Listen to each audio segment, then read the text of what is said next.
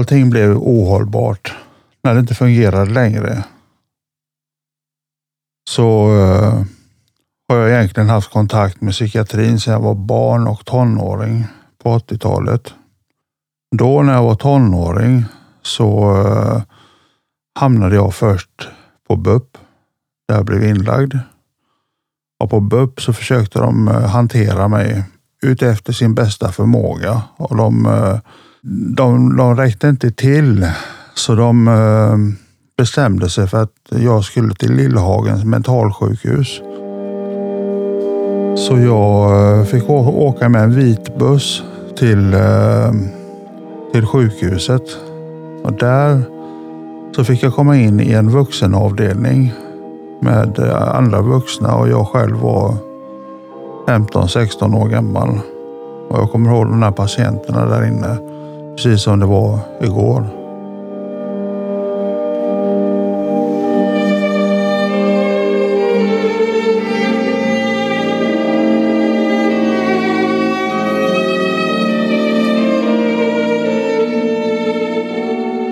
De eh, gick och pratade med sig själva. De eh, låg i sina rum. En del stod och skakade bara. Andra spelade gitarr, andra spelade piano. Och det var en väldigt konstig stämning där inne.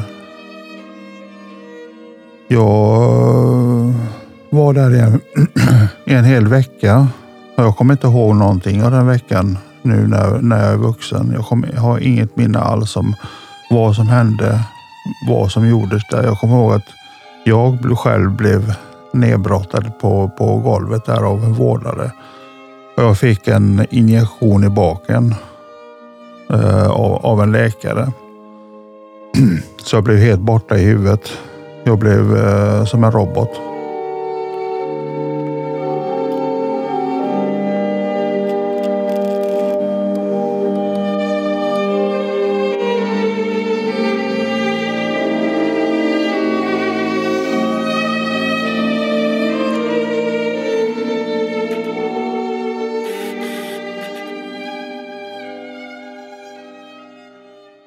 Jag kommer ihåg min mor när hon kom dit och träffade överläkaren på avdelningen och de grälade. Min mamma var väldigt upprörd och ledsen.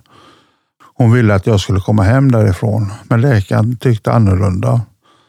Och de två stod och pratade säkert i över en timme och då eh, har läkaren ett förslag att jag ska kontakta min socialsekreterare som jag hade. Jag tar kontakt med honom. Jag ringer till den människan och han sa till mig så här. Hörru du, nu när du är på Lillhagen. Kan inte du göra armhävningar? Och då, säger, då, då säger jag till honom.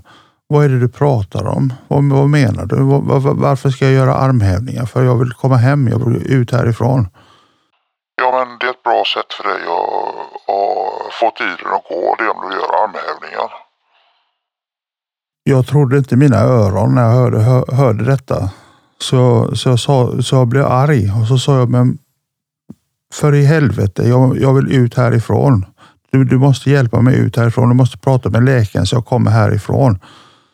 Och då, säger, då, då säger socialsekreteraren så här.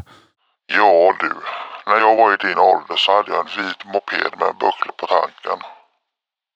Det var någonting som inte hade med sammanhanget att göra överhuvudtaget, men det tyckte han att han skulle tala om för mig att han hade en vit moppe med en buckla på tanken. Jag blev ännu mer upprörd. Jag skrek i luren att han skulle, han skulle hjälpa mig ut därifrån. Till sist så sa han att han skulle ringa till läkaren. Och eh, jag fick vänta i, jag, jag satt i rökrummet och väntade med, med de andra patienterna och tog, tog ett blås på en cigarett tillsammans med eh, mina medpatienter i det där stora rökrummet. Då hör jag överläkaren, jag hör min mamma och jag hör att han har pratat med eh, socialsekreteraren och han ropar, ropar in mig i, i sitt rum och jag går in dit. Och eh, Han talade om för mig att jag får komma därifrån, men jag får inte åka hem Utan jag ska till Fagareds yrkesvårdsskola.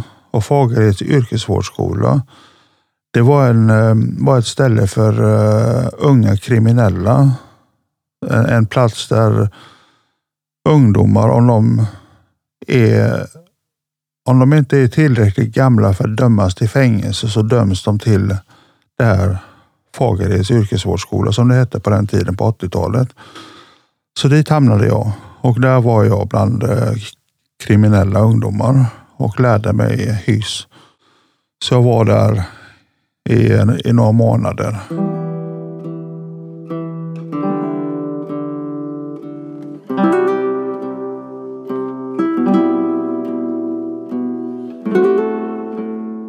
Jag fick lite förmåner efter ett tag där. Jag fick nämligen gå ut och eh, hålla på ute i trädgården, påta ute i deras trädgård och deras eh, potatisland eller vad det var de hade. De, de odlade grönsaker och sånt där, så jag fick gå ut. Så jag var ute. Vid ett tillfälle när jag var själv ute, jag fick det förtroendet, så bestämde jag mig för att jag rymmer härifrån. Så jag började promenera en sträcka på tre kilometer ut till eh, huvudvägen som låg ute i, mitt ute i ingenstans. Jag kom till den huvudvägen och där fortsatte jag min färd iväg bort någonstans. Vart visste jag inte, men jag gick där en, en bra stund, säkert i flera timmar. Och då kommer det en bil och det var skötarna från Fagereds yrkesvårdsskola. De kom där med bilen och det var en eh, en Volkswagen eh, eh, minibuss. Och de sliter upp dörren och säger till mig att jag ska hoppa in. Och jag vägrar och så, först. Men eftersom jag var så trött på, på, på min promenad så sa jag okej, okay, jag följer med. Och så körde de mig tillbaka till, eh, till eh, Fagereds yrkesvårdsskola. Och där blev jag kvar ett tag till. Och så blev jag utsläppt.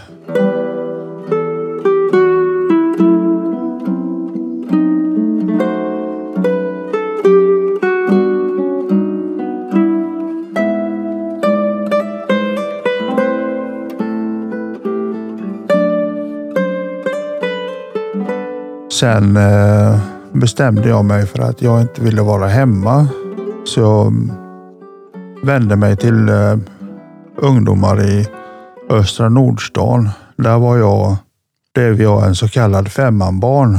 Där jag hängde ihop med, eh, med andra ungdomar som hade det svårt på sitt sätt också. Jag hade det svårt och de hade det svårt och vi, vi alla var som en stor familj, familj där inne. Vi, vi, eh, vi, vi bodde där inne på morgnarna så bommade vi ihop pengar så att vi kunde köpa oss en limpa bröd och vi, vi satt där och åt. Och på, nät, på nätterna letade vi efter, e-, efter något ställe att sova på. Ibland så var det någon, någon, någon kamrat som hade en eh, lägenhet och där kunde man sova på soffan eller ja, någonstans i något, eh, något skrymsel. Eh, fester, det var jämt fest någonstans. Så man gick från en fest till en annan och från, från Östra Nordstan i Göteborg då så, så um, gick man mellan Östra Nordstan och Avenyn. Och när det var vinter och man var i Avenyn så visste jag en plats där man kunde sitta på. Där, där, där det var stora värmefläktar som, som kom ut genom, genom asfalten. Det var, det var galler och fläktarna låg under asfalten och varmluften sprutade upp ur, rakt ut i, till eh, skyltfönstret. Och, och där kunde vi sitta och värma oss. Ibland hade vi pengar och då kunde man gå in och ta en fika någonstans. Det var det livet jag hade när jag var tonåring. Sen efter, när jag blev lite äldre så, så fick jag barn och eh, jag träffade barnens, första barnens mamma då. Och därifrån så eh, började jag söka mig vidare till olika utbildningar och folkhögskolor och sådär. Så att jag kom ifrån psykiatrin ett tag. Fram tills jag eh, det, det, var alldeles ohållbart uppe i Stockholm när jag flyttade upp till Stockholm. När jag träffade mina tösers mamma, tjejernas mamma då. Eh, 2002 var det och då hamnade jag i eh, psykiatrin där uppe i Stockholm. Och då var det samma ruljans igen med eh, in, ständiga inläggningar fram och tillbaka in i psykiatriska avdelningar. Så var det.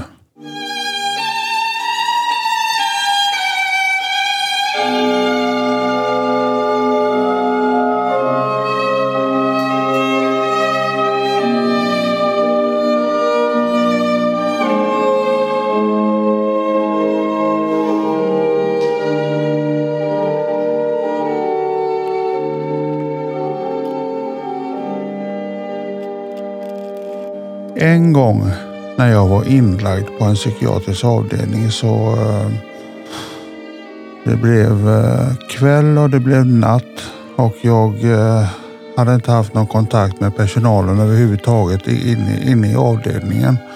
De hade undvikit mig av någon konstig anledning och jag kände mig desperat på natten för jag mådde, mådde dåligt. Så jag bestämde mig för att få en idé eller ett sätt att väcka en reaktion ifrån nattpersonalen när de satt och fikade i sitt fikarum. Så jag kom på det att jag ska säga att jag har, jag har någonting. Ja. Så jag gick bort till nattpersonalen där de satt och jag sa till dem så här. Hör ni, jag har någonting. Sen gick jag bort till mitt rum igen och det tog kanske max fem minuter så kommer en svärm av nattpersonal och de eh, omringade mig och jag ligger i sängen.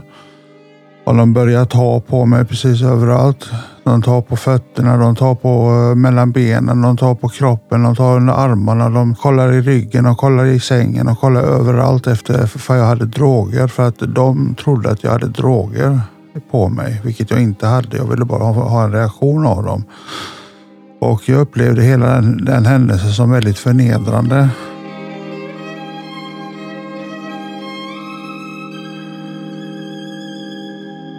Så, så jag, jag, var helt och hållet hjälplös i den situationen och um, de höll väl på med mig en, en bra stund där och sen uh, lämnade de mig själv där. och Eh, jag eh, blev väldigt ledsen över den situationen faktiskt för att den var väldigt kränkande tyckte jag. Och en annan gång, ytterligare en annan gång på samma avdelning. Det var nog eh, dagen efter så hade jag haft flera panikattacker inne i mitt rum och jag ville gå ut på avdelningen. Så jag öppnade dörren och klev ut och satte mig i bänken som de har längs med den eh, klassiska sjukhuskorridoren. Jag reser, reser på mig, jag känner mig yr, så jag kollapsar framför eh, receptionen där de sitter och har möte och jag hoppas att personalen ska kunna se mig när jag, när jag ligger där och är helt hjälplös. Istället för att hjälpa mig så kommer personalen och de kliver över mig de kliver över mig och de kliver över mig och går in och stänger dörren om sig och de höll sitt möte där och kvar blev jag liggande där eh, på golvet. Hjälplös.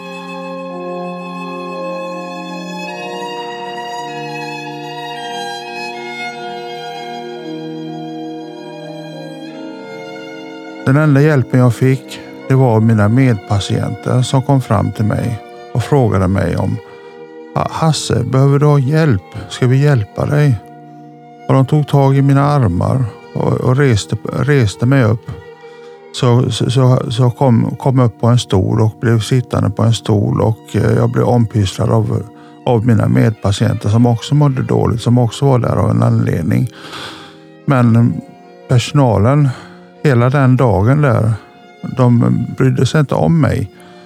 De frågade inte mig hur jag mådde och hur jag, hur jag, eh, hur jag hade det. Utan, utan de, de fortsatte att strunta i, i mig.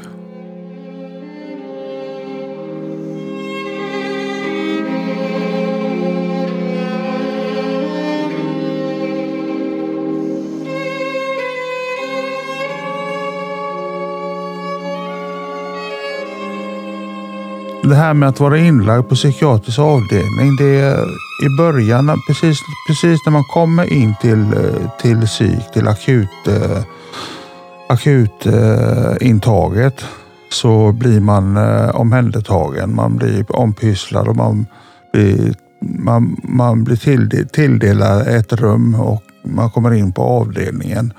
Och sen efter när man har blivit eh, presenterad in i sitt rum och man har lämnat sina saker och allting så blir man lämnad att klara sig själv.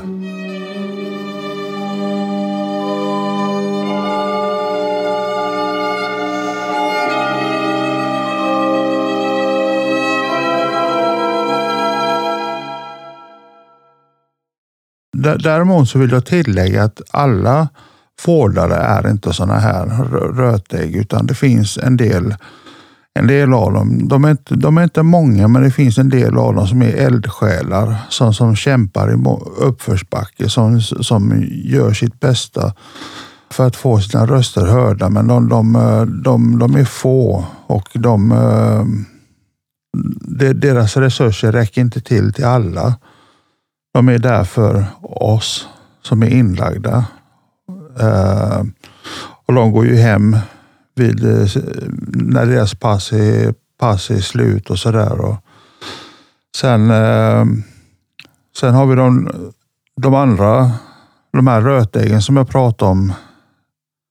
Jag har sett och upplevt med egna ögon när en patient som har varit labil innan blir provocerad av de här eh, vårdarna. De blir, patienten blir inknuffad i hörn. De knuffas och de retar dem bara för att de ska få en reaktion av den här patienten. Så att den här patienten ska bli arg och känna sig kränkt och börja gapa och skrika, vilket är naturligt. Det skulle vem som helst göra i den situationen om man blir provocerad på det där sättet. Syftet med, med det är att de skulle, få en ursäkt att lägga i bältessäng.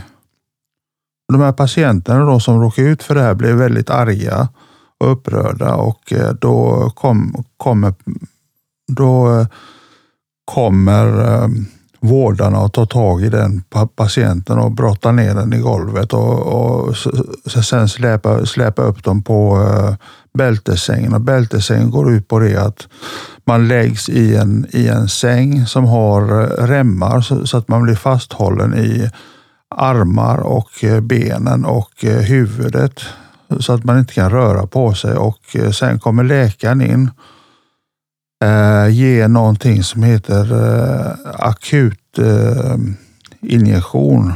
Och den injektionen består av eh, en cocktail av olika, olika mediciner som är väldigt starka. Så att eh, vad som händer då med den patienten som ligger i den här bältesängen är att oftast så, så somnar de och de blir, de, de blir liggande i de, de här, den här bältesängen i, i eh, flera timmar. Det står enligt förordningen att de som ligger i bältesäng ska ha tillsyn hela tiden, men det stämmer inte. Det där missköts. De här vårdarna kliver ur rummen och låter dem ligga, ligga där i, i bältesängen för sig själva. De, de sover ju ändå menar de på. Sådär, va? Så att det, ehm, ja.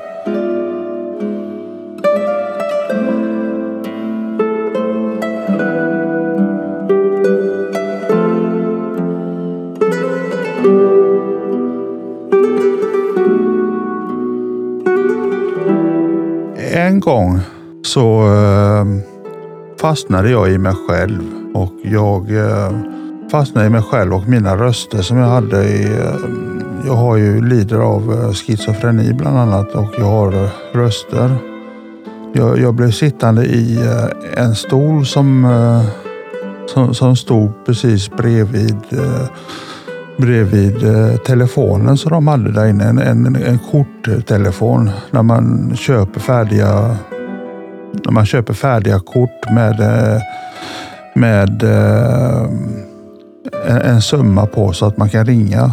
Där blev jag sittande Och jag höll i, höll i den här luren och drämde luren i, i, i, mot telefonen och hängde, hängde den på kroken och hängde av och hängde på och hängde av på, på kroken. Och, och jag kom in i någon konstig, konstig tanke där och där var det ytterligare en sån situation där det, där det fanns en vårdare som var gammal och trött och hade jobbat inom branschen i många, många år.